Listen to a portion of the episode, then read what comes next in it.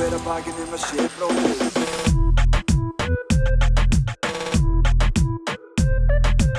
Bera hver að bakið um að sé bróðir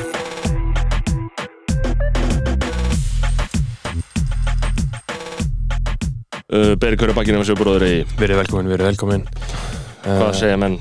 Skoðanabræður, Petrin og Þáttur Það er lögadagur 23. oktober Sérst, Sérstaklega Petri þáttur í dag, það er viðmælandi uh, Við ljúkum þættinum á uh, svona, hvað var þetta ekki, svona 20 mínútur með Jónasi Rúmar 20 myndar 20 myndna viðtali í góðum gæðum við uh, gæða Íslending Já. sem er að gera gott að erlendu vettvangi Heldur betur, heldur betur Kongur, Eh, Kongurinn sjálfur og Jóhannes Haugur hann hefur verið, verið að, að senda okkur skilabúð núna í gríðu erg þar sem hann hefur verið að gera Mhm. Já svona uh, háttala okkar í auglýsingamálum. Já, uh, við auglýsum ekki eins og er alveg skýrt uh, en aftur á móti hefur borið á misnótkun Já. á okkar kerfi. Já.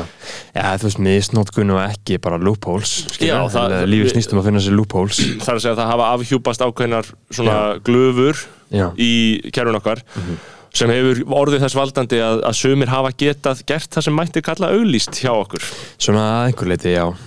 En við erum sagt, uh, núna að, að, reyna að- koma þessum málum í betri farveg. Og við, við ætlum að bara ræða við Jónas Haug um lausnir í þessu og svo spyrjum hann líka út í þarna uh, mál Alec Baldwin. Já, það var mjög gaman að fá uh, skýra og neitt með greiningu. Leikari, frægur leikari sem uh, lendi því hræðilega slisi á tökustað á dögunum að hann hleyfti af skoti úr byssu sem hann vissi ekki að væri hlaðin með einhverjum hætti og uh, varð kona að bana. Og við ræðum þetta á Jóns Haug sem er náttúrulega einsýnin í allt svona. Uh, hvað segir þú Hannes Berður? Ertu ekki bara ferskur eða? Jú, svo að það er mikið að gerast. Það er, uh, það er allt komið á fullt á ný ég finn fyrir því. Já, ég finn fyrir því sko, ég fór á, á rosalegt uh, ég fór á djammi í gær sko. Ég fór á priki Hittustu að dæminu? Ég var á röngan sko. Nei, ég get ekki fara á röngan Nei. Ég er nefn, nefn ekki, Steinþór þarf að gefa okkur kort. Hvernig farð þú á röngan? Býður þú í röðu það? Nei, ég beði ekki röð sko. Ég pluggaði mig bara inn. Já, ég nenni ekki að plugga inn, ég vil hafa kort Já, það er bara, ég held að sé bara það lítið plássinu svona stað Já, að ef þú ferð að útdeila kortum að því það er ekki eins og ég og þú séum heimilisgestir á steinþóra á hverjum degi, skilur en samt myndum að vilja kort. Nei, skilur sem þýðir að það væri þá líka örgulega með stór ringur sem allir þessi gauðra myndu fara að gefa kort út í. Og ég held að það uh, myndi á endanum búa til það sem á ekki gerast á stöðum það sem að VIP-röðin er lengri en venjulega röðin.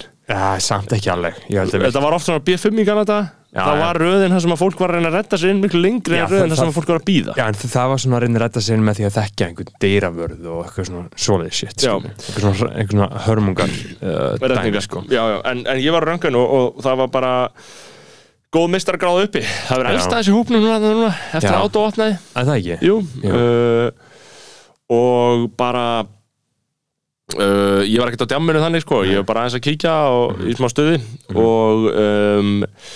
já, það var bara flott sko, stóð prikkinu það Já, ég, við vorum í sko svona, þetta var eftir klukkan eitt sko, þannig að við vorum að lappa um og þurftum að uh, mæta við vorum í svona, mæta inn á stað og taka eitt lag skilur og fara síðan út og fara Já. út á næsta sko að það var gott viður úti og það var góð stemming og, og nýkomnir af uh, Bríetar tónleikunum í Hörpu Ég- sem voru episkir sko Já, við, við þurfum að ræða það en Mhm. ég get ekki sagt, annað sagt þegar ég hugsa svona, til þess að þetta vera á okkur pöpparöldi og vera út í sömarnóttinni að maður sakni sömarsins aðeins. Já, ég sakna þess mjög mikið sko. Ég sakna sömarsins vegna að bara líf mitt var einfallara það er bara Já. einfallega, lífið mitt er einfallara á sömrun, þó að það sé líka einhver svona hrigð í manni þú veist, eitthvað svona summertime sadness Mhm. Já. þá engo síður bara all, all praktísk atriði Já. að lifa billusum lífstíl auðvöldra að fara á djammið og einhvern veginn svona skuldbindingar þar er ekki jafn veður, veðrið er og dimman Já. og kuldin og mikill kuldi hann er ekki næs Já, það er sem svo auðmingilegt að láta það hafa áhrif á sig sko. ég, það tröfla mig ekki, sko, það hefur ekki náhrif á lífið en ég bara segja að það er til til auðveldar að vera á lífi á sumrin en Það, það er það hvað var Bríett að syngja þarna?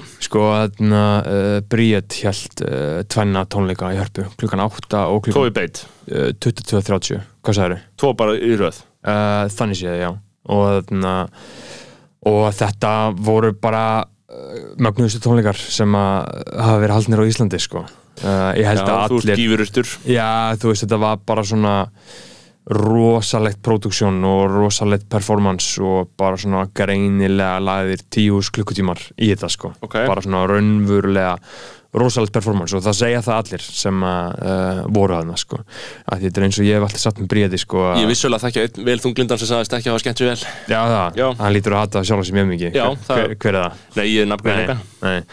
En uh, það getur enginn heita á þetta sko. Veist, það þarf að vera eitthvað mikið að í heila starfseminni hjá þér sko. Uh, að því þetta var uh, svo rosalega mikið lagt í þetta sko. og þetta var svo augljóslega þaulæft og bara virkilega keirt áfram á öllum hliðum sko.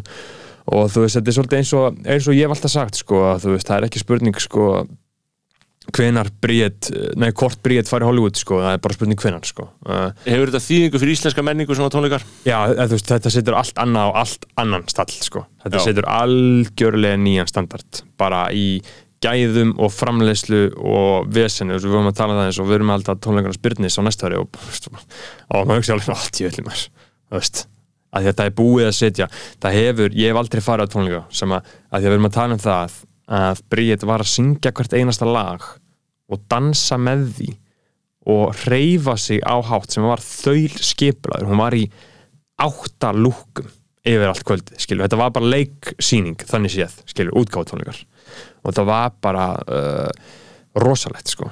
Fullu salu 13 skatt meðin já, Já. Rándýrt en fullkomlega basic. Já, ég meni, ég meni drullu saman hvað þetta kostar. Já. Mér finnst það bara ekki Já, mér finnst það. Nei, Mér það lúserlegt að kvartina því, Ég sko meina, hvað er að þér ef þú kvartar yfir því? Og líka sko, Það það voru göss-göss tónleikar á uh, Átó. Átó. Sexu þangað? Nei, Nei, uh, eftir að haukja hefði ég alveg mátt fara En Já. ég, ég veit ekki, jú, ég var bara svo sem í öðru stuði En Mhm. uh, Sexu skallin, fínt prís fyrir guskus þú veist, sem komið vilt bara á, fram á bara stórháttíðum og eru bara Já. meistarar, skilur uh, og bara sexu skall það svo bróka væla yfir því skilur Já, já, það er svolítið bróka væla yfir verðum almennt, sko Já. Uh, Það er svona, uh, ég veit það ekki Nei, það er líka bara, þú veist, það er þetta væli við svo mörgu öðru áhugaverðara því að verð eru bara Þetta bara er eins það og er enginn að verða ríkur á þessu Nei. Og ef að Bríett verður rík þá er það fínt að hún er stjarnar skilur, punkt. Og hún er meiri segja ekki að vera rík á þessu sko. Það er hugsunastar sem eru með af að liti það koma sko uh, það er örgulega svona 50 manns í vinnu við að gera þetta sko. Já, þannig að veist, þetta var bara uh, alveg rosalega upplifun sko út af því að þetta setur allt á svo nýjan standard sko. Þetta, uh, það hafa allir haldið einhverja tónleika en svo voru það Gísla Martin í já, Var það í gær? Já, fyrir jú, jú, þetta, jú, já. það, það, Já. það var í gær sko og nýkjum að því sko, klárum með bríti sko uh, að því að þú veist, þetta setur svo nýjan standard í tónleikahaldi og bara í rauninu öllu sko að því að þetta var svo, krasa sigur var uh, listrætt stjórnandi sko og hvert einasta moment í tónleikunum var bara því ég er ekkert sérlega mikill tónleika maður sko þú veist, ég fíla ekki hljómsveitir sko. Ég vil ekki heyra hljómsveit Nei. spila saman. Ég fæ ekkert- ég fæ ekkert út í því sko. Ég vil heyra DJ og ég vil heyra, heyra elektró sko, bara spilað sko, jú ég fíla piano mér finnst live trommur ekki, ég er svo rosalega vanur rap trommum, að live trommur hljóma bara eins og eitthvað drasl fyrir mér alltaf sko. Þannig að þú veist, uh, meiri sér fyrir svona gaurið sem ég, sem er ekkert mikill tónleika gaur sko, þú veist, þá var þetta samt bara alveg what? Þinn sem er ekki að Að, sorry með það. Já, þú veist, meiri sér sko að fyrir svona uh, gaurin sem ég sem að fíla tónleika ekkert sérlega mikið, nei. þá var þetta bara miklu, miklu starra, miklu meira en það sko.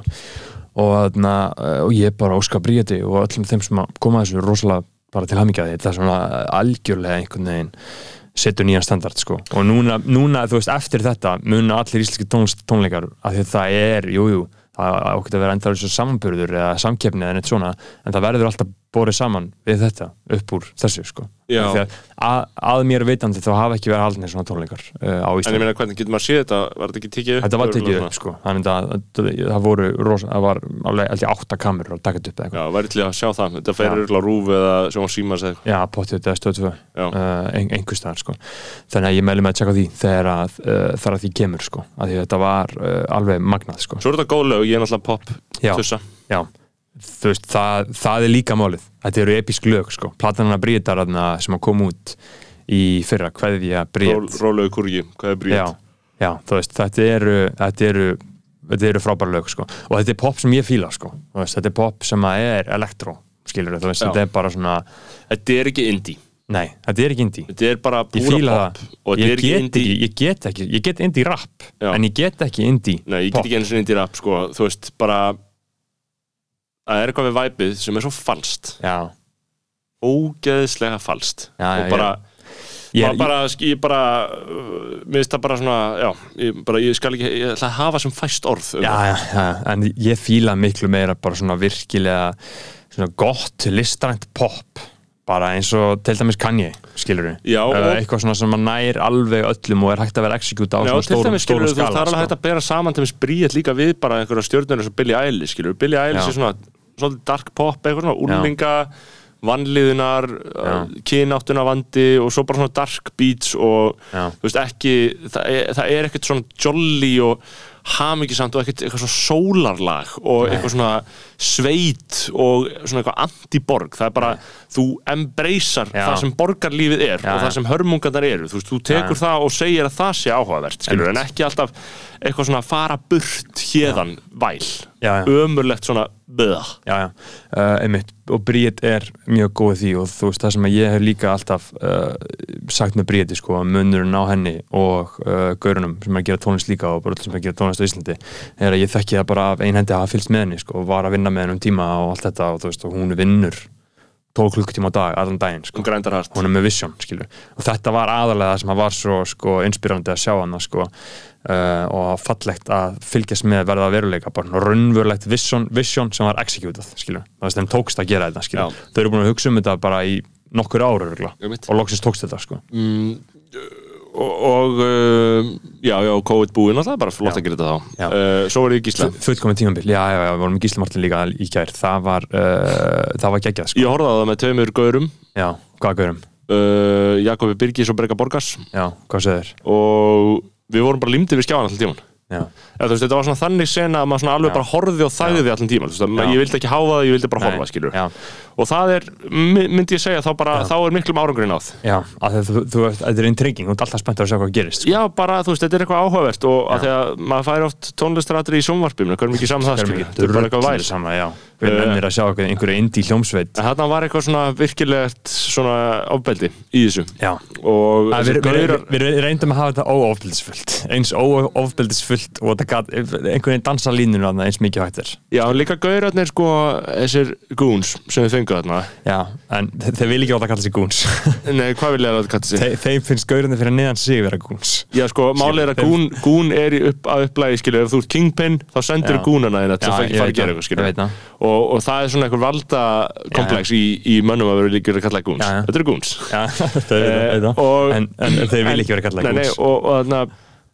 þeir. Eh, þeir voru mjög samfarandi gödumenn og bara Já. einhvern veginn svona all, all áferðin á þeim var Já. veist og, og ég veit, ég veit náttúrulega, ég var með ykkur þegar við voru skipleikandi, ég veit að þessi menn eru að koma af Já. göttunni, skilur þú veist, þetta er ekki einhverju verslingar að syngja blái Nei.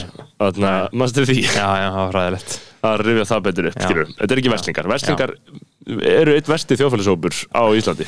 Þú veist, það er alveg þetta ég var að hugsa um daginn, ég hugsaði bara verslingar þú veist, það Já. er ekkert, ekkert sem geta gert sem er gott sem mér finnst þú veist, þeir eru svo miklu verslingar. Já, svona ekki eftir á, þú veist, þeir eru útskjást og þroskast ég er að tala um Já, sko já. fólki sem er í Vestló núna. Já, já. Það er bara á hverju sinni, þú veist, að með þú ert í Vestló bara þá sá hópur sem er í Vestló Ég reyndar fór á Vestló Bjórkvöld bara um daginn, sko, fór með uh, í kafa, einhvern svona skála uh, Já, kafa hjá já, minni konu sögu Kafa, já, Kafa já. og, uh, og það var, það var mjög gaman sko. Þá var þetta svona, all, allir Já. Vestló Vestló, alltaf búningar. já, já, og ég, ég fekk bara svona nostalgí bara, ó, þetta er öll gaman hjá þessu krökkum. Já, það var bara geðið vel heppna og skemmtilegt partí sko. þannig þá fór ég svolítið að trúa já, Vestló fólk bara fucking visla með þér fínt, Já, já, auðvitað flott, flott hjá þeim sko. ég er að segja, ég, ég segi þetta líka frá þeirri átt sem er svona bitur, skilur, þú veist að maður er ekki Vestló, skilur það, er vilja allir verið Vestló sko. já, já, og, þarna, þú veist, bara að því að í grunninn að það er alltaf þannig og Já. þú veist, það er svolítið stæðindi sem að menn vildu aldrei horfast í augum En sko. þetta er líka, við megum ekki tala um þetta þessum þetta var ekki, manstu, ég sagði þér frá því í Já. einhverjum öðrum þætti að við höfum ekki alvarlega aðtafsendir við, þú veist, það bara við einhvern þátt þar sem við höfum verið að tala um heitargælur og, bara, og ég ég byrðist afsökunar á þessum ummælum Uh, ég byggðist ekki, ekki afsökunar, finnst þetta bara sérna, mæti ég bara til að tala Já, já. um það sem ég hugsa um og, og hérna, ég, ég ætla ekki að láta kúa mig að bæla mig. Nei, nei, ég Í- læt kúa með að bæla með þessu leiti ég skil alveg að menn vilja ekki uh, endilega heyra okkur bræður tala um heita gælur Þú veist, það fyrir eftir því hvað þú talar um á, sko, uh, af ástriðu eða í fræðilegum tilgangi sko. Já, á fræðilegum grundöldi, þá getur við þá þetta er það mjög áhugavert að, greina það og pæli að við vorum að á föstudaginn, þú veist, epic atri svantalega er þetta bara skemmtilegasta sjónvarsatri sem hefur verið gert í rosalega langa tíma, skilur uh, að því að þetta er ekki einhver fucking indie ljónsveit með gítara og piano og hvað sétt uh, en þetta var svo skemmtilegt að því að uh, svona framleysla að fá, þetta voru held ég 33 goons sem að mættu. Og þarna, það er hægra sáttin gert, gert að fá 33 mannskjur til þess að mæta einhvert skilja, veist, það er hella vesen. En það sem var svo skemmtilegt í þetta er að uh, þeir voru allir svo peppaðir. Þeir voru allir svo spenntir. Þeim fannst þetta uh, svo mikið snilt. Og sérstaklega eftir að þeir komast að því að það eru 100 ás mann sem að horfa á vikunum með Gíslamartinni þeir voru svo ógeðsla peppaðir og svo ógeðsla glaðir og spenntir að fá að vera hana og þetta voru eins og hún segja, þetta voru gúns þú veist, sumir voru af göttunni skilur og þetta voru 33 og þeir voru ekki allir vinir skilur, Nei. innbyrðis það voru þetta uh, mismunandi alls konar áttum. alls konar áttum, alls konar svona uh, loyalties hér og þar uh, og það var mjög áhugavert sko að fá það útskýrt sko svona gún pólitíkina hana skilur, já þessi bara þennan þarna, þessi mm. þennan við vin þennan og þetta þarna, þarna, þarna Já. þetta þetta er svona svolítið flókin Að pólitík þeir saminuðist um að fara í beina, beina útsendíku og dansa. Já, þeir saminuðist um það sko og það sem er svo fyndið þetta er þess að uh, uh, megin uppstæða hópsins uh, var uh, OGVAF sem eru Issi og vinnur hans. Og það sem var svo skemmtilegt að þeir voru allir hana sko um, góði strákar, skemmtilegir. Og þeir voru allir hana og hana, það var einn, uh, ég veit ekki hvað því að nafngrænan ekki, ég veit ekki hvað það vilja en ég sleppi hann var í fokk OGVAF peysu Já. í performanceinu skilur, þannig að, og, og þeir það var eitthvað svona á milli þeirra bla bla bla, ég veit ekki alveg nákvæm smáadrið í því sko, uh, en ha- hann mætir basically og þannig sé dissar uh, þá í performanceinu með þeim, þannig það er svona góð metanarratífa sem að var svolítið uh, inn í þessu öllu án þess að ég veit hversu mikil, sko, mikil sko, alvara er í þessu Nei, nei. ekki mikil, Já, það, það er örgulega Mm. bara erfitt að vita sko. það er örgulega sko þú veist, eftir tvo mánuði gæti verið komin mega fucking mikil alvara í svona deilur já, þetta er svona stót sem sveiflast sko, Já, já, og svo algjörlega. er fólk allt í henni vinir skilur einmitt, einmitt eða, já, já. eða svona getur respekta hvort annað á svona einhverjum grundalli Einmitt. og þeir voru hann saman og þetta var bara uh, mjög gaman og mjög skemmtilegt þegar svona uh, gengur upp og Krabba Mein var fucking kongurinn sjálfur sko stóð King sig, Krabbi. stóð sig eins og heitja sko hann er maður fólksins, hann er heitja fólksins sko mm, mjög gott moment og gott hjá Gísla að fá byrni um, það er eitt sem ég er búin að fylgjast með það því við erum nú að horfa á nýjustu seríun af Succession og ég ætla nú ekki að fara að gasa fólk með því Nei. þó ég mæli nú með því að fólk kynni sér þennan ágæti þátt Succession. Uh, og vísa í seríu okkar sem við gerum hérna tekja þátt að uh, seríu um þessum þætti. heldur betur. uh, það er stort fjölmjölaveldi alþjóðlegt fjölmjölaveldi sem svona uh, leikur sér að því að uh, það sem að einsku heitir að acquire, að geta upp minni miðla og bæta þeim í safnið Já. og þetta er svona það sem þessar fjölmjöla samsteipur á undanförnum áratugum hafa gengið út á að það er að vera nógu stór og vera með nógu mikið bólmagn og þá hefur Mhm. meira pólitíst vald og þá getur þú stækkað enn meira og þetta er svona, þetta er alltaf þessi. Já. og ping-pong og uh, við sjáum þetta ekki jafn skýrt hérna á Íslandi vegna þess að allir fjölmjölarnir er í innlendri eigu við sjáum þetta ekki gerast hjá okkur eins mikið en, þetta er ekki, til markaður. En á öllu hinnu enska málsvæði og þíska og spænska þá gengur þetta út á svona stór konglomerat eins og það segir bara svona multinational fyrirtæki. Uh, í Þískalandi það er stærsta fyrirtæki Axel Springer. Og þetta er bara fyrirtæki sem hefur verið rótgróið, hefur alltaf átt uh, miðla sem eru bild sem er þessa stærsta dablað í Þískalandi Já. svona boulevard pressa, þetta er mjög gullt dablað. Já. þetta er bild sem því mynd og svo eiga þau líka veld og, og, þarna, og fleiri miðla, fleiri götumiðla. Og e- ekki götumiðla og líka bara svona virðulega miðla. Og þetta er Axel Springer. Og Springer er bara svona, þú veist eh, þú veist, þjóðverjar og þú tala um þjóðverjar sem veit eitthvað um samfélagið þá springar eitthvað svona sem segja, þú veist, þú tala um eitthvað sem vinstri, eitthvað vinstri gerpi þá hata þau ekki neitt meira en springar já, já, springarinn er bara kóngurinn og Bild er lang mest lesna dagbladlandsins Já. það lesa fucking allir Bild og það hata allir Bild. Og Bild gersamlega er ósvípnasta dagblad sem þú bara finnur. Já, og þetta er samt eitthvað sem allir lesa og sérstaklega þeir hafa bara lagað sér rosalega vel að teknöld þú veist með bild.di og bild.tv þú veist það sem eru með sjómvarp líka fara í beinar útsendingar og bara gasa og bulla og eru með mjög svona grófa pressu í gangi. Og þetta er svona afl í þýskalandi sem fólk bara er auðvitað bara mjög umdelt og mjög á milli tannana fólki. Nema hvað, að núna sko nálgast sagan okkur. Þannig að ég, maður hefur fylgst með þessu þetta er bara springur, allir þetta springar uh, og en, en sko og uppálega gaurinn, þú veist, Axel Springer það var svona einhver gaur sem var fyrst bara svona heiðalegu dabla útgefandi og svo bara einhvers fjölskyldan og svo verður þetta bara eitthvað vindur upp á sig, bara rétt eins og þú veist þarna Murdoch og, og Logan Roy í Succession, þetta er svona sama mótel um, og uh, Springer var um daginn að kaupa Politico í Bandaríkinn já, veistu hvað miðl það er? Svona bara lipa miðl, bara eitthvað svona voða eitthvað, þú veist, Trump er vestar sem hefur gerst og, og samt líka svona, þú veist, aðeins dýpri stjórnmálagreining og rosalega mikið svona, og, og mikið verið að fælla um Evrópumálinu, heimsmálin og svona hérna svona flóknu heimspolítik sem er í gangi. Þetta er polítikó, svona virtu miðl kaupa hann. Mhm.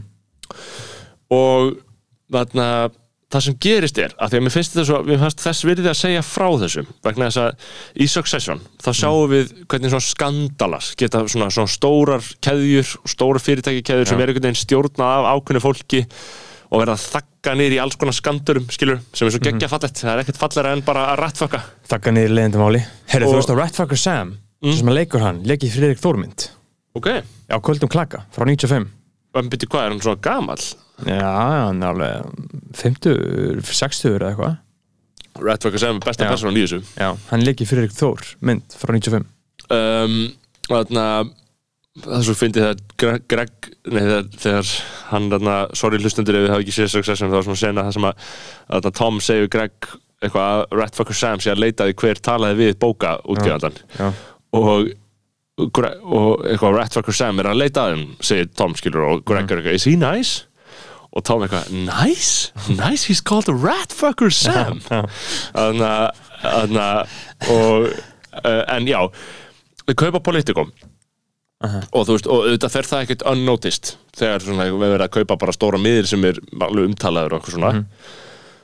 Og þá gerist það að New York Times fer að fjalla um skandala innan Springer Mhm.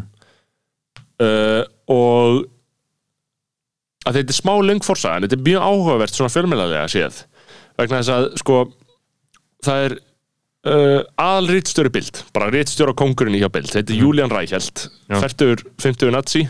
Alveg nazi, já. Já, nei, nei, en bara svona, þú veist, mjög sérstöku gaur og bara með mjög öfgafullar svona íhaldsamar hægri bild skoðanir og hann er búinn að vera svona að ríða alls konar aðna, uh, internum og ríða alls konar svona einhverjum ungum blaðakonum á bild. Já, og uh, það verður ekki annað sagt en að svona að því sem ég lesi þá hlý, er þetta, þetta verið svona sko ekki misnótkun á konunum heldur misnótkun á valdi og stöðu. Þú veist, þannig að ef þú rýður honum þá einhvern veginn þarf að byrja bara að vera algjörlega fylgjandi honum mm -hmm. þá að áfram að vinna upp. Einmitt. Og þetta er bara svona mjög ófaglegt hvernig hann hefur hæðað sér. Og þetta var, þú veist, Spíkel fjallaði um þetta bara fyrir mörgum mánuðum, en það gerðist aldrei neitt. Og Bild bara, nei, við bara þetta er ekkert mál, sko, bara hann er bara flottur.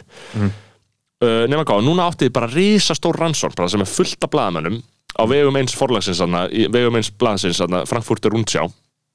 Hafðu rannsaka algjörlega ofan í kjölinn bara hvað í fokkanum gerðist inn á bildiritsjóninni hvað er Julian Reichelt búin að gera og er að fara að byrta í bara Frankfurter Rundsjá. Það hefði bara verið algjört megadæmi nema þá kemur formaður bara algjörlega yfirmaður í þeirra sérst, útgefandinn bara útgefandi blaðsins þeirra, Frankfurter Rundsjá sem er svona Já. vinstirblaði sögulega séð. Já, og sem bara nei, við getum ekki, við getum ekki birt- þetta.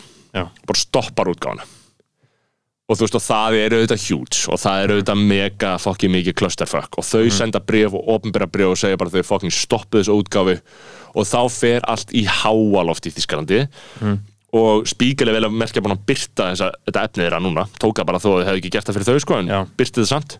Og þá fyrir New York Times að fjallum þau. Fjallum þetta mál, bara New York Times fyrir bara, bara og það er eiginlega greinin sem olli því á endanum að Julian Reichelt er búin að segja af sér. Að þetta er búin að reka Julian Reichelt núna. Ok. og, og bara bildið er bara í mega fucking krísu. Og þetta er bara nákvæmlega samar gerast í Succession með þessi Já. skjöl, eitthvað, algjör út af því. Þetta er bara stærsti útgjáðandi í Evrópu Axel Springer, þetta er langstærsta Já. fjölmjöla samstæpi í Evrópu, sko, þannig að það er ekkert óæðilegt að tala um þetta. Uh, þú veist, það er bara bara mega krísu af því að þau eru bara eins og þau séu 30 árum aftur í tíman það er bara Mhm. einhver gauðra yfirmenn með að bara gera það sem við vilja. Og þú veist, ef við hugsa um þetta sem á Íslandi við, að þetta aldrei viðgangast í sko mínútu. Kannski, kannski, Kannski. maður blindur veist, þetta er bara allt miklu minna. Það eru bara miklu minni peningar uh, og fólki er bara uh, miklu meira sama uh, það er engin feldur sem er með peninga og alvöru völd. Harvey Weinstein hefði aldrei verið feldur ef hann væri ekki búin að floppa. Með mig. Harvey Weinstein 95 þegar hann bara gera bara Miramax myndunar var bara kongurinn þeir tókum bara niður að því að hann byrjar að floppa mm -hmm. skilur Mhm. Já, já. þú veist, þú, þú, þú, þú, fe- þú fellur ekki það- það- með það er- klát og völd og peninga hagsmunirnir þurfa að vera komnir upp yfir svona miðju og vera Mhm. byrjaðar að falla til hægri til þess að fólk hugsa, já ok, það er þess virði bara fokkar um over Já.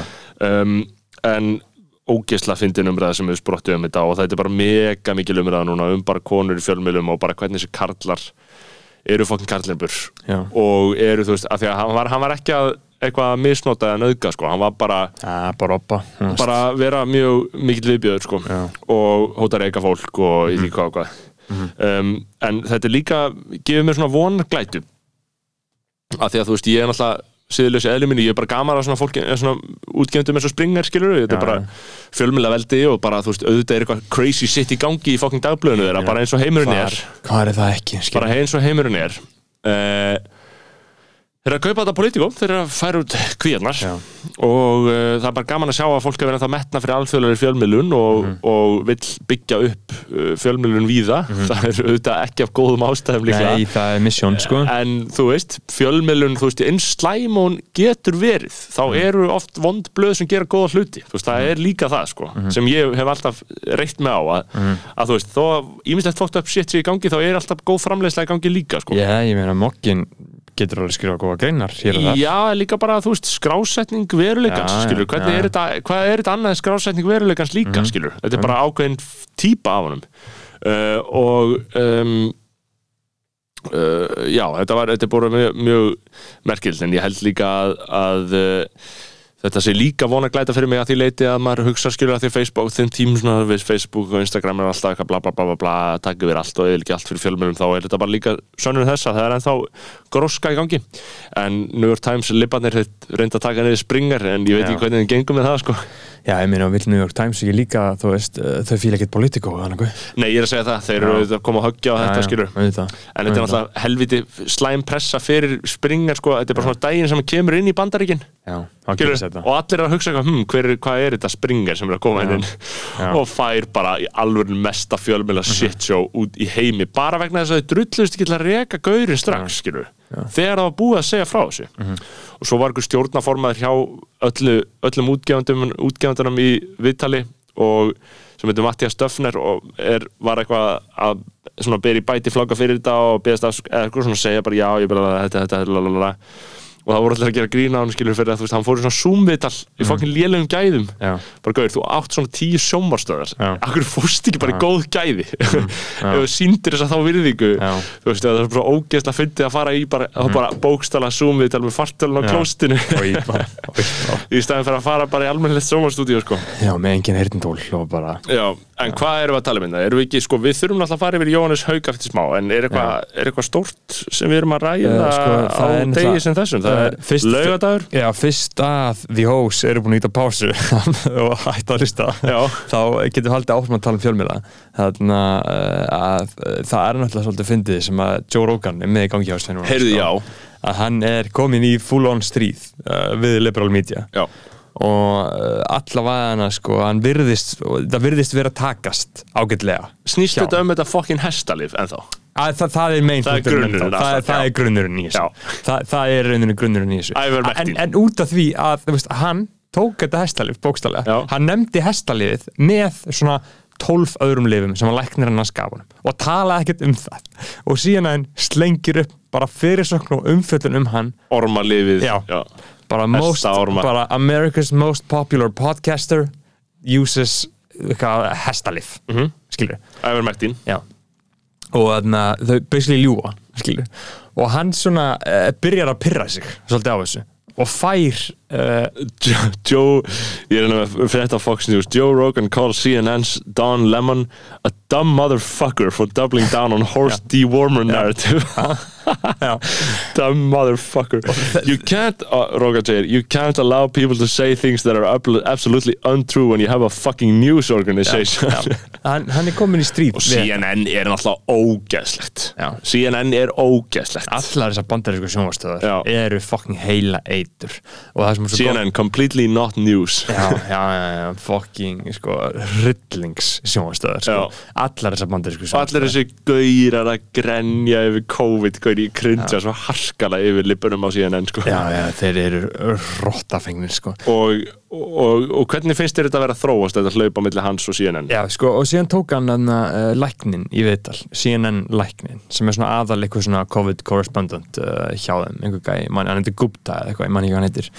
Og, uh, og bara tekur hann í viðtal og talar um þetta og byrja að segja og fer síðan svolítið í svona átök við hann, skilur og eiginlega bara skilur, þetta var bara skilur að Guðrun viðkjönd bara, hann hafði ekki að segja bara, bara, bara, bara Joe Rogan hafði að segja bara, you lied man, you lied. Og hann bara og þau bara viðkjöna þann séð, skilur. Og síðan fara allir að tala um hann eins og Don Lemon maður, hann er hryllingur, sko.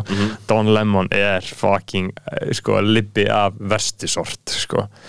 Og þarna og þú veist, og, og núna er Joe Rogan svolítið búin að vera að tala um þarna, mm, tala um uh, liberal media uh, og þetta og hvernig sko Pfizer og allir þessi livjafyrirtæki uh, Johnson Johnson uh, vinna fyrir því Joe Rogan, the most popular podcast on the planet, was really ticked off after CNN's Don Lemon mocked him for taking, quote, the deworming drug ivermectin that's been touted by right wing fringe groups. When it was actually the human version prescribed by a doctor. So when Sanjay Gupta, the network's chief medical correspondent, came on his show, Rogan unloaded. Já, They're lying at your network about people taking human drugs versus drugs for It- it- veterinary. calling it a horse dewormer is not a flattering thing. I get it's that. a lie. It's a lie on a news network. Does it bother you that the news network you work for out and out lied, just outright lied about me taking horse dewormer? they, they they shouldn't have said that. Why did they do that? I don't know. já, hann tók hann Okay, and it was Don Lemon and others at uh, CNN who kind of shit, Fox News er að konga þessu í þessum fylgum sko. Já, já, Fox News er þetta þetta, er- þetta Fox Já, News sko Já, Viltu hlusta smá að það? uh, já, spila hans meira mocked uh, Rogan for taking ivermectin. Lemon still insists it wasn't a lie, although they were referring to the veterinary version. It wasn't Sanjay Gupta who said any of these things, but he took the heat there. And you know, he had a hard time defending his network. He had nothing. He did when he went back to his network. He ran back to the pseudo reality after that confrontation. That's okay, get went back Banderas to saying, Don so he had nothing. Then gave credibility to the lie once again. And let's be real about something. This is media criticism, and it deserves the highest of criticism because it was an outright propagandist lie. But Howie, it cost lives. This cost people lives. Ivermectin's a Nobel Prize winning drug used successfully on billions það að tala núna? of people Fox across this globe as an anti-parasitic, and in many cases now Will, hann king, sko. as in reports of successfully being used as an antiviral, including with Joe Rogan. og, og þetta er náttúrulega vandinn við þessa umræði er að þú veist, ég er heldur ekkert að reppa Ivermectin Nei, nei, nei. mér er alveg saman þetta fokkin ömulega lif við COVID þetta er bara eitthvað fokkin drast Já En sko eða, eða allt í lagi, ég bara fokkin veit það ég, ég hugmynd sko, henni þarf allir að fá COVID núna maður Er það? Ertu búin að heyra einhverjum? Já, slatti sko Slatti Ok. sem, er, sem er að vi- vi- vittast þessa dagana sko Er að fá vittið? Já, já Ég heyrði nefnilega, ég heyrði eitthvað í fréttinu að væri alveg nokkuð mikið um þetta sko. Já, ég, ég 60-70 sme- smitt á dag sko Já, ég bara vil ekki heyra því að hlusta það sko, ég get ekki fengið það en þarna uh, en stóra málið í þessu er uh, legar, legar liberal media sko, sem að Joe Rogan svona er svolítið að ráðast á þessu dagana, sem er mjög skemmtilegt uh, og mjög gaman Ég elska líka, veist, að hann er að fara veist, hann er að taka þetta á svo basic ég hann er að segja bara you're a news network and Já. you lied Já, en hann veit alveg öllu skilur, hann bara getur notað þetta sem konkrétt dæmi. Já, já, akkurat, og hann, er, hann veit alveg hvernig þetta virkar og Mhm. Hann er bara að finna ógustlega að fyndi dæmið en þú veist, málið er samt að Joe Rogan hefur aldrei verið í uppáldi hjá Liberal Media Liberal Media hefur alltaf verið pyrrandi ha- við Joe hann, Rogan sko. en þannig er að komin í svona átrætt stríð Já. og við vitum bara að það gæti enda mjög illa eða, þú veist, ég er að segja, ég, mér finnst að Joe Rogan ætti að passa sig aðeins í þessari baratu Mm. Vegna þess að annars sko, þú veist, þegar virkilega ferð upp á þegar virkilega ert komin í ónáðuna hjá Liberal Media þá munu þau svífast einskis við að taka þið niður. Og þau munu eh, sko, þau er alveg hægt að taka niður. Hann er á Spotify, þú veist, það er hægt að dumpa honum þar. Það er hægt að bara, þú veist, við sjáum hvað við gerum við Trump, Já. slögt á honum. Já. Fucking slögtu á veist, og bara einhvern veginn þá var bara svona samilega ákvörðum, bara svona, heyri, er ekki best að gera þetta bara svona, veist, Ma, að maður hefur ekki séð, ég hef ekki séð neitt frá Trump. nei, ég sá bara ár. episku yfirlýsingun hans í kringum Colin Powell sástu það? Nei, ég sá það ekki. Hvað? Uh, sko, Colin Powell uh, dó, sem sagt fyrirhandi utanríkisráðherra, Já, Rest in Pussy. Já, restin Pussy, Colin Powell og King að mörguleiti held ég. Ógeðslu Nei, nei, fucking hann- neocon warhawk stríðsklæfa maður sko. en hann náttúrulega hann náttúrulega sko eh, viðurkendi samt, hann er svona gaur sem virkilega gegst við því í setjum tíð svona hvað þetta hefði verið fucked up shit sumt í Írak. Já, já, einhver leiti hann og, samt. og, og, og já, hann gerði það. Og uh, Trump gáði yfirlýsingum Mhm. uh, og sem, sem þarna CNN einmitt fyrirsagnin þar er Donald Trump yet again proves there's no bottom. Já, og Trump segir um, Wonderful to see Colin Powell who made big mistakes on Iraq and famously uh, so-called weapons of mass destruction be treated in death so beautifully by the fake news media. Hope that happens to me someday. He was a classic rhino if even that uh, always if even that always being the first to attack other Republicans. He made plenty of mistakes but anyway may he rest in peace. Þetta er bara koma frá Trump. Já, það er svo geggjað sko, hvernig hann tekst alltaf að gera allt um sjálf sig sko. Uh, hope, hope, hope they do that to me one day. Já, og bara, but anyway, may him rest in peace. Já, já Trump er náttúrulega alveg hann hugsar allt öðruvísi. Hann er allt annar sko. Uh, hann, ég held að Trump hafi aldrei nokkuð tíman á æfisinni uh, hugsað inn í líka hann sér skilur Þú veist, ég, held að, ég held að Trump hann finnur ekki fyrir einmitt. hann, hann finnur ekki fyrir eðlum tilfinningum uh, hann er feitur eins og mannstu það er að Nancy Pelosi kallaði hann morbidly obese? Já, það og allt trilltist Nancy, þetta var fyrir svona tveimur árum eða eitthvað. Sko- og Nancy Pelosi var ásakaðum að bodysima Trump. Gett Já, og veist, og þá komum umræðan sko, ég, held að Trump hafi bara aldrei hugsað um líka hann honum er alveg sama. Þannig að gæðvitt þegar hann var að borða McDonalds inn á Oval Office Já, Hann var ofta að gera Já. bara, Hann vildi Já. alltaf bara að borða McDonalds já, já, KFC og bara alltaf með silverware Já. Já. Og djúvel væri til í vangi eða eitthvað. Þurfu ekki að fá okkur eitthvað að borða það? Jú, við skulum fá okkur eitthvað að borða sko, ég held að uh, þetta sé bara svolítið komið gott hjá okkur uh, hérna í kvöld. Og Við núna ætlum við að fara yfir í fokkin kongin sjálfan uh, Jóhannes Haug enn og aftur kæru hlustendur uh, takk fyrir að uh, hlusta. Segir vinum ykkur að koma Patreon og eins og uh, talar um hérna þá bara fögnum við þáttöku bræðlagsins í þáttunum. Þannig að við vilja að við tölum eitthvað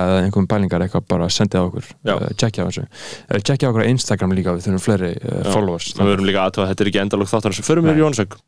Velkomin Jóhannes, hvað segirðu? Hvernig, ertu ert ekki hérna í Írlandi? Jú, ég er á Írlandi. Það er takk kærlega fyrir, gaman að, gaman að heyri í ykkur. Það er gaman að finna að, að, að hlustendur hafi svona aðgang að ykkur. Þetta er, þetta er óvinnilegt, þetta er, þetta er nýtt. Já, þannig að við bara við erum demokratíst uh, fyrirbæri og, meina, og við þjónum við, við, og við, við þjónum bara uh, hlustendum okkar Já, þið gerir það heldur betur og kannski full mikið Já, sko það sem er ástæða þessa samtals. Já, þú hefur verið að, þannig að maður útskýri nú uh, þarna tildrög þessa, þessa samtal sem við erum konur í, að, þá hefur þú verið að gera ákveðna aðdóðsendir núna undanfarið við það að, að við séum komni með uh, mjög góða styrtaræðila. Styrkja konga?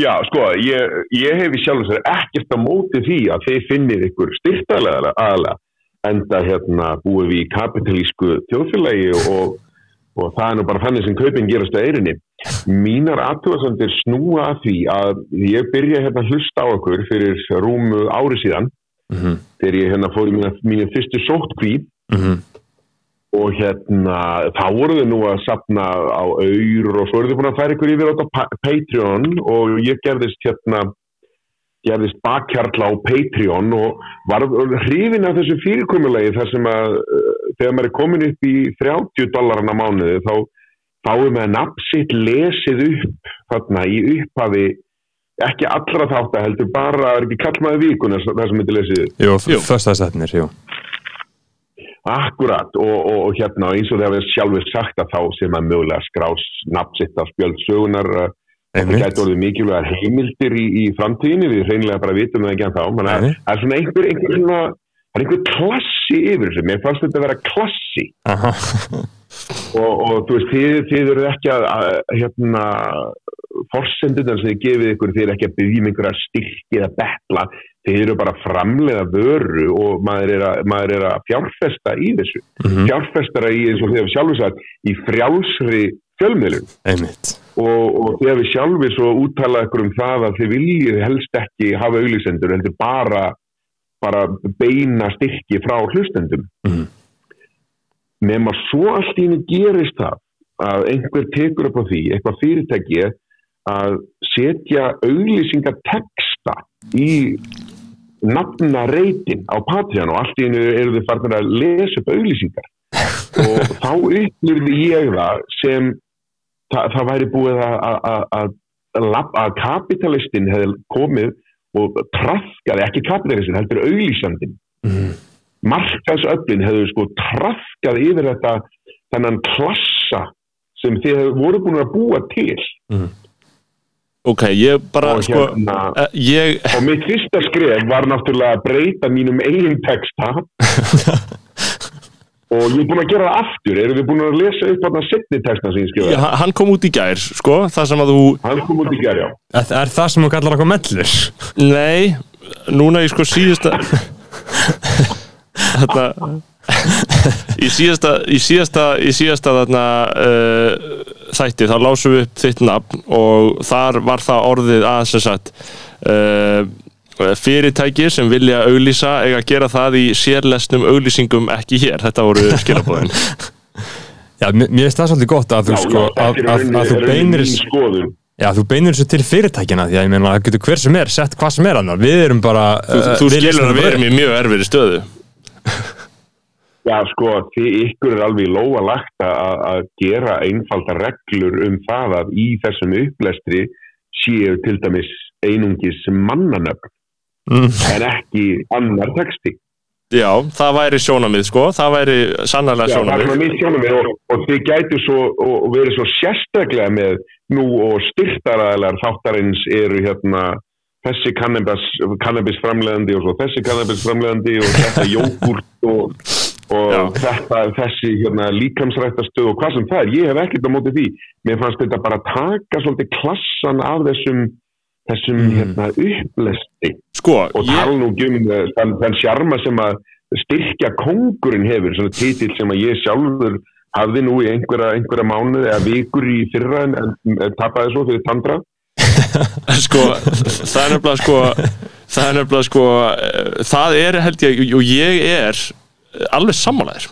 Ég er í raun og veru alveg sammálaður en við höfum bara staðið frammi fyrir þessum vanda, núna ekki um langt skeið, heldur er þetta til dæla nýtilkomið að við þurfum að, höfum reynd að vera að finna einhvers konar nýjan flöta þessu að þetta er nýr veruleika, þarna séu að reyðjast inn fyrirtækja og skýtu úr skónum og í rauninni geta þau sloppið með 30 dollara já, það, það er nefnilega alltaf ódýrt, hugsaði ég. Það er alltaf ódýrt að það, það, það er nefnilega það sem að mér fannst verst við þetta er einhver, einhver, einhver sko markaðs einhver markaðs ógeð hjá einhverjum Já. fyrirtækjum gætu sko tróðið eh, á honum hérna kommunistanum bróðinum sem er nú reyndar henni í því samtali, ég er ekki bara að tala við því stóri, honum Bergþóri. Og hvernig honum myndi nú líða með það að fá markaðsöflin yfir sig fyrir 30 dollara. Það Þetta væri ætti náttúrulega að kosta ykkur meira, er ekki, ég, það er mín tilfinning að þeir séu með mjög breyða og mikla mikla hlustun á þessum þáttum. Jú, jú, það, er- það er alveg rétt sko. jafnvel sko fleiri hundru þúsundir að fá að vera með auglýsingu hjá. En sko, en ég er svolítið hrifin að þeirri lausn að við myndum þá segja og loks eru það nokkur eh, ödul fyrirtæki sem ákveða að leggja okkur lið. Já. Og þau eru eftirfærandi og þá myndum við kannski segja að það væri lámark 100 dalir Já, ég og svo væri styrkja kongar innan þess ramma, væri það eitthvað einhver lausn eða?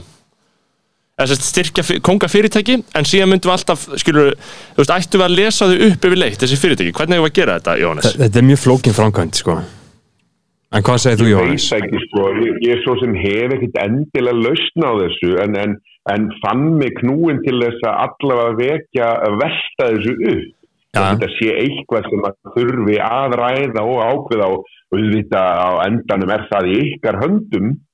Við, fö- við mér allir upplýstur umræðu samanber það að við fáum því viðtal. Við fögnum allir upplýstri umræðu málið, samanber bara það að við séum að fá því viðtal hérna. Já, já, umræði er nefnilega alltaf góð og sérstaklega í svona hlaðvörpum eins og, eins og bara sýnir sig og er, er, að, er að verða vinsælt um allan heim og er að löngu orði vinsælt og er búið að taka við af þessum 5 til 6 mínútna útvastuðitölum þess að þú færði í rauninni enga umræðu. Nei, Ég meina, ég stýrði, ég stýrði útastætt á bylgjunu fyrir einhverjum 7-8 árum síðan og það er, bara lagt fyrir mann sko bara hérna, bara svona chart, bara sem skiptin upp klukkutímanum, þú verður að spila topp 40 hittara með, þú veist, korters millibili, svo máttu rafinn öðrum lögum hér, viðtöl með helst ekki fara yfir 8 mínútur, það er alls konar svona eitthvað sem þeir eru búin að þróa með sér í gegnum árin sem þeir halda virki, svo kemur eitthvað eins og hlaðvar og gjörsamlega bara sprengir það. Það er nefnilega að fyndi að þeir halda alltaf að sín mótel virki og svo kemur eitthvað svona úr grasrótinni sem er bara miklu meira að skapi fólks. Akkurat, bara, bara hér er bara þryggja klukkutíma samtal um eitthvað sem að mögulega vekur áhuga manns, þá bara hlusta maður á það. En sko, Það er alveg makka og hitt er það, núna erum við með, sko, og að því að uh, það eru, sko, í raun og veru hefur þetta ekkit orðið neitt sérlega umfangsmikið, þessi auglisendur innan þessa ramma. Þetta eru tveir aðilar, það eru, Já. það eru, þetta er Byrta CBD og Handból CBD. Já, þetta eru tvö CBD hey, við, við, við megum ekki gleyma uh, Maskón Æsland Það, þau hafa lengi gert Já, þetta. já þau, þau eru lengi, þau framlega svona grímur, skí, skíagrímur gúlgrímur Já. Uh, sko, en, en við ættum kannski að segja, heyrðu, núna eru við síðan hérna, einhver fyrirtæki sem er að auglýsa stundum, þeir eru að reyna að misnota kerfið okkar við ætlum bara, við ekki aðtiklaði Mhm. Það sem þessi fyrirtæki skrifa er eftirfannandi er það ekki bara, þú veist, ég held að það sé ágætlega, sjálfbarlaust vegna þess að hlustendur, þeir eru líka auðvitað fylgjandi því að við uh, séum fjárhagslega sjálfbærir. Já. Já, það er eitt sem er gott við það líka sem þú nefnir er að þá er algjörlega gagsætt hvað þið er að borga. Við fáum að heyra upphæðina líka. Einmitt, einmitt einmitt, maður fær ekkert að heyra það í hörður hálflega sinni, hann er bara með einhverja tíu styrtaræðila og bara bladrar og bladrar og maður veit ekki hvað er auglýsing og hvað er ekki Já, það var svo var fjölmiðla nefnd að setja hérna 500 skona sekt á hann reynda núna fyrir að auglýsa áfengi. Já, þurfum við ekki að gefa áfengis auglýsingar frjálsar, það væri mjög gott fyrir fjölmiðla Jú, að sjálfsögðu og Auðvitað. auðvitað er ekkert hlaðvarp, er ekkert fjölmið. Hvað, hvað er aðeins og fólki? Nei, fjölmiðla nefnd er Það hefur þetta fólk ekkert að gera. nei, nei, Það það, búið að búa til eitthvað batteri á vegu ríkisins og að auðs einhverjum peningum í þetta og þau eru bara að skemmi eitthvað. Þetta fólk á að leggja þetta niður og fá sér einhverja aðra vinnu. ég er alveg saman á því og það, ég held að flestir séu eh, svolítið, einmitt, það er mjög gaman að berja þess á fjölmiðla nefnd Já, mér finnst þetta ekki mikilsverð stofnun Ég var að segja alveg eins og þér Þetta er bara gjörsamlega gagslust fyrirbæri sem á ekki að vera til. En sko, en hvernig finnst þér, svona eh, stemningin, svona óháð, óháð eh, þessum auglýsingum sem mér, mér finnst við hafa komist að ágætlega, ágætlega Já, farsæli, já, já. farsæli niðurstöðu Við erum komin á hann, samtali. algjörlega um, hvað hva, hva segir annars gott, svona, frægur leikari í, í, að að leika í útlöndum? Í Írlandi, hvað er að frétta af uh, frændum okkar í Írlandi? Hvernig, hvernig er Írin? Eru þið rauðþæriðir og viðbjörslegir eða? Ég get nú sagt þér það að hafandi verið núna hérna í tæpa sex mánuði í ár og í tæpa sex mánuði í fyrra Mm. þá er ég búin að komast að því að þetta fólk er nákvæmlega eins og við. Já, Þau eru með sömu frasana eins og með veðrið og þau halda í alvörunni að þetta sé hvergi annar staðar svona. Og ég er fann að halda að þetta sé allstaðar svona. Það er rosa mikið þingin á Írlandi bara, há, veðrið er alltaf að breytast og bara, ó, maður fær hérna allar ástíður á einum degi. Og veðrið breytist bara Drepandi. 5 minúna frestum og bara, þetta er nákvæmlega það sem við erum alltaf að segja á Íslandi og sko. höldum að þessu um geðið fyndin og Við- sniðu og við höldum jafnvel að þetta sé svona rosalega sérstakt, þetta er einstakt veðurfar, bara nákvæmlega einsinn á Írlandi. Og svo er- eru þau líka alltaf með sömu orðræðina um að sko að, að maður heimurinn sé að horfa til þeirra. Það er allir að fylgjast með hvernig við erum að tækla COVID Hafið þið einhver tíman hérna heima á Íslandi sé einhverjar fréttir um það hvernig hlutinir er á Írlandi.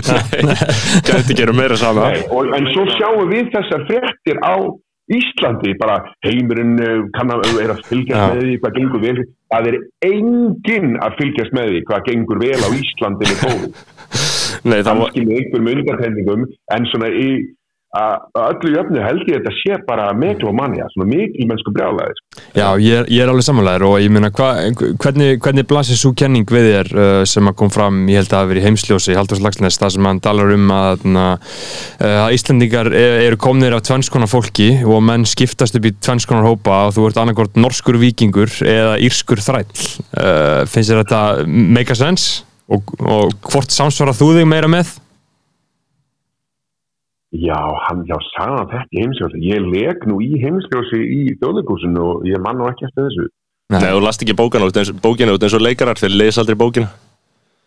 Nei, nákvæmlega, en þið eru svo vel lesni, það, veistu, ég kann svo vel að metta þetta og En Jóhannes, er það samt ekki staðin að leikarar eru upp til hópa mjög heimst fólk og ekki döglegt að lesa bækur? Jú, jú, algjörlega. Ég, ég er ekki, ég er ekki viðleysin maður, þannig að það, passar algjörlega við mig þetta var. En ég er að reyna að ala börnin mín upp samkvæmt um, ykkur, því ykkar áhrif gætir víða. Já, Ég er til dæmis farin að segja núna við krakkana ef það er, er dagspyrta úti, þá er ekkert sjónvarp. Ég Já. heyrði þetta hjá okkur. Já, einmitt Að þetta er eitthvað sagt við ykkur. Já, það er frábær, frábær, svona frábært viðmið. Það, það er gott að við sem að hafa áhrif á, á, áhrif á komandi kynnslóðir Já. En ég held að sé eitthvað til í þessu sem að Lagsnes sagði í heimsóðis sem þú vorst að vitni í það. Einmitt með írsku, írska þrælin eða norska vikingin ha, ég veit svo sem ekki eh, kannski er er, er, er, er hvort að hluta okkur ég, Já, ég veit ekki hvort ég er maður, ég er svona vikingur með mikla þrælslund, myndi ég segja. já, Um, og uh, heyrðu, Jóhannes, og annað sem mér langaði að nefna við þig. Uh, ertu búin að sjá þetta mál með Alec Baldwin eða? e, já, já, já við, hérna, ég var hérna í tökum bara mætti strax á kvikmynda sett hérna þegar fréttina voru að berast hérna sem var svolítið gott vegna þess að þá fekk maður strax að heyra sko sérfræði áliti frá kamerudildin og þeim sem að þeir gáttu svona getið sér til um hvað þeir gerst og svona Já, Einmitt. og hver var kenningin? sem að kenningin er sko, ég sá það var grein í, hvað var það held í LA Times sem að var búin að fara nokkuð ítal yfir þetta en, en tilfellið er það að alltaf þegar það eru skotvapn á setti þá, þá á að vera eitt starf sem er hérna armorer eða master of arms mm. það, það er basically bara ein manneskja sem sér um vopnin. Ok. Við erum meira sem með það hérna, við erum með vikingaþátt og þetta eru bara sverð og, og hérna, Mhm. exir. Axir, jú, exir, exir Axir, Axir. A- axir, axir. Eða Axir, já. Sverðu Axir, allan á vopn. Já, sverð og axir og spjót og, og veist, það er náttúrulega, þetta er ekki byssur en það, það er bara ein manneskja sem sér um þetta og þegar það eru Mhm. byssur þá, er sem þetta, áður fyrir var það þannig að þetta fjall bara undir leikmunni, bara props. Já. En svo gerðist það eh, kringum aldamótin þegar Brandon Lee lést. Og það sem að hafi gerst þá er að það var sama manneskjan með props og byssur. Og þá eru stundum þessi púðurskott sem eru þannig að þá er hilki og púður. Þannig að það kemur skotkvellur, það kemur reykur en það er engin kúla framan á til þess að, að skjótast út. Einmitt. Mhm. Uh, hins vegar uh, í þessu tilfelli þá var uh, nýbúið að taka svona svo verið insert skot eða nærmynd af byssunni þar sem að þetta var svona byssa þar sem að þú sérði í hlaupið og þá svona sérði í kúlurnar að þetta er svona utanáleggjandi Já. og þá var búið að búa til svona plast eða úr pappakúlur eða eitthvað til að setja ofan á hérna púðurhylkin Úff. bara fyrir insertskotið, svo glemdist að taka það af. Og það er það sem fungeraði sem kúla og drap Brandon Lee. Vegna þess að þegar þú komin á svona stuttu færi þá þarf ekkert mikið til að drepa viðkomandi. Það getur þess vegna verið bara einhver skítur í hlaupinu einmitt. sem að púðurskotið þrýstir út og getur stórslas af fólk. Og það verðist vera það sem að gerðist þarna og þetta er fáranlegt þetta er ekki ekki svona þurfa að vera með púðurskot vegna þess að það er svo auðvelt að, að tölvutekna þetta núna og það er svo ódýrt Mhm. þannig að þetta, þetta er eitthvað svona það var búið að vera hérna einhver óanægja innan kamerudeildinar þetta var það. og, já, og kamerudeildin basically var það sem sá sem að þú ert með sko, sá sem að, sem að dó var sem sagt director of photography Mhm. Það er svo sem að stjórnar myndavelni en hún operator ekki myndavelina það er, Nei. svo er kamera operator og gripparar. Það er svona fólki sem að sér um svona the legwork en hún í rauninni stýrir myndavelni, sér um lýsinguna og, og, og, og allt það.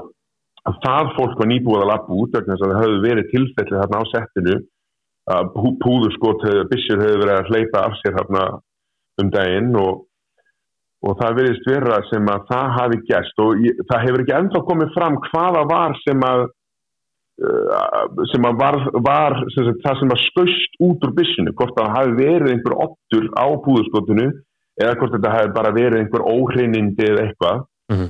en ef þetta var á stuttu færi þá, þá væri það nóg til að, til að hérna að drepa mannesku en, en uh, þetta var mögulega meira en óhreinindi vegna þess að þetta fórvist í gegnum hérna konuna og svo í öxlina á leikstjórunum sem stóð fyrir aftan.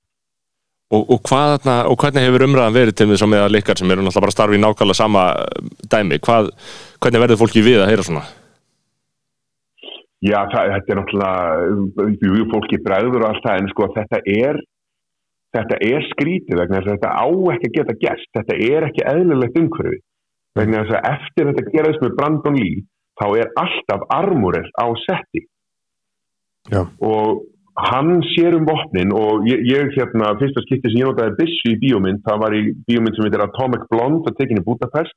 Þá kemur maður til mín með byssuna og ég sem sagt á að skjóta mann í atriðinu.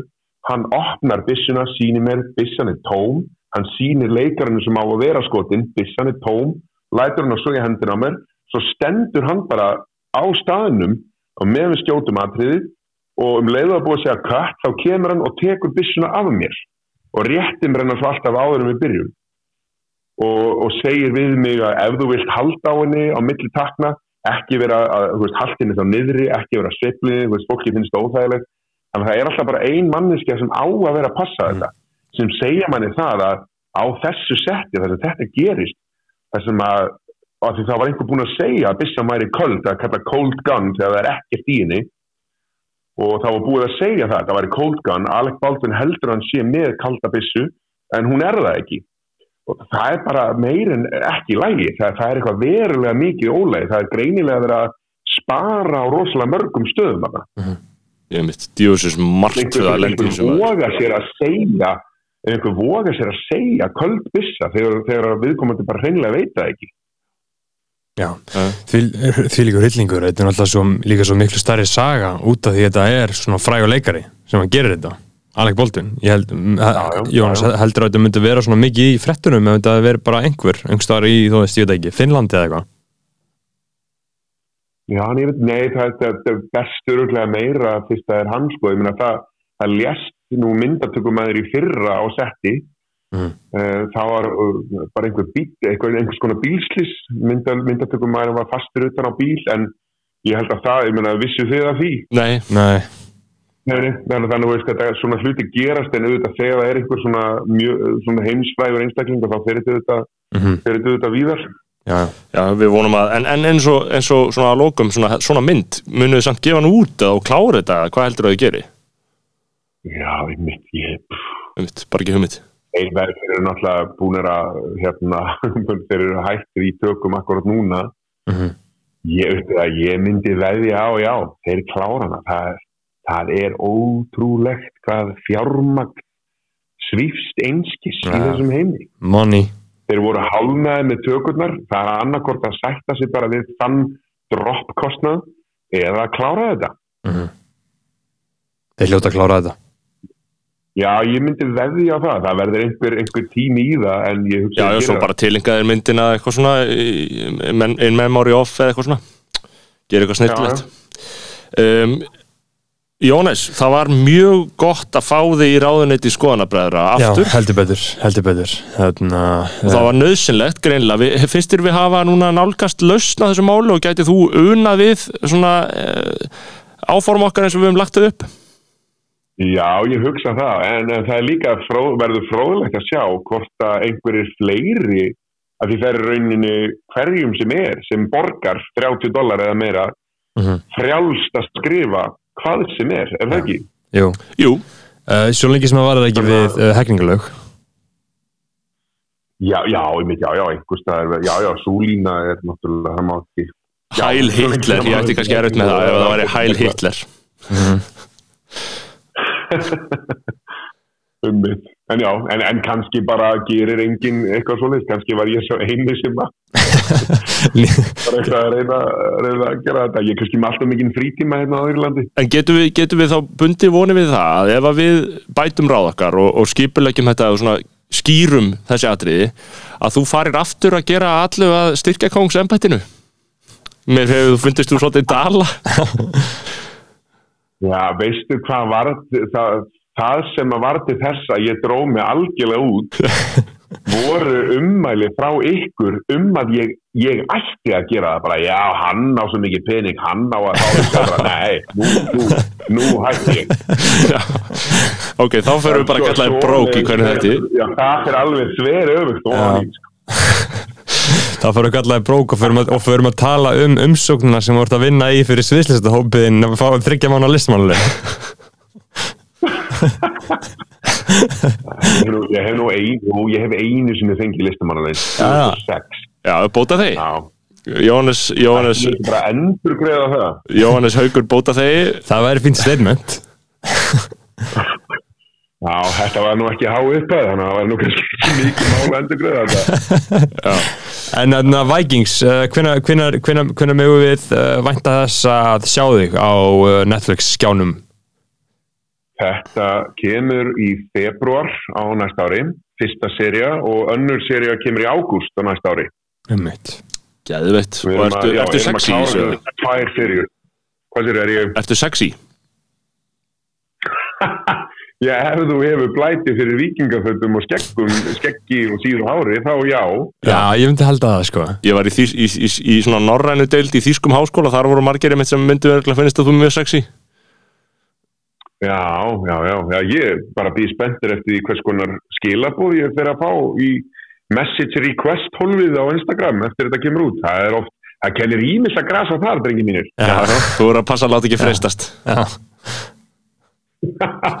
Nei, nei, maður kíkir hann inn einstaka sinnum og, og reistir hausinn. Já, já.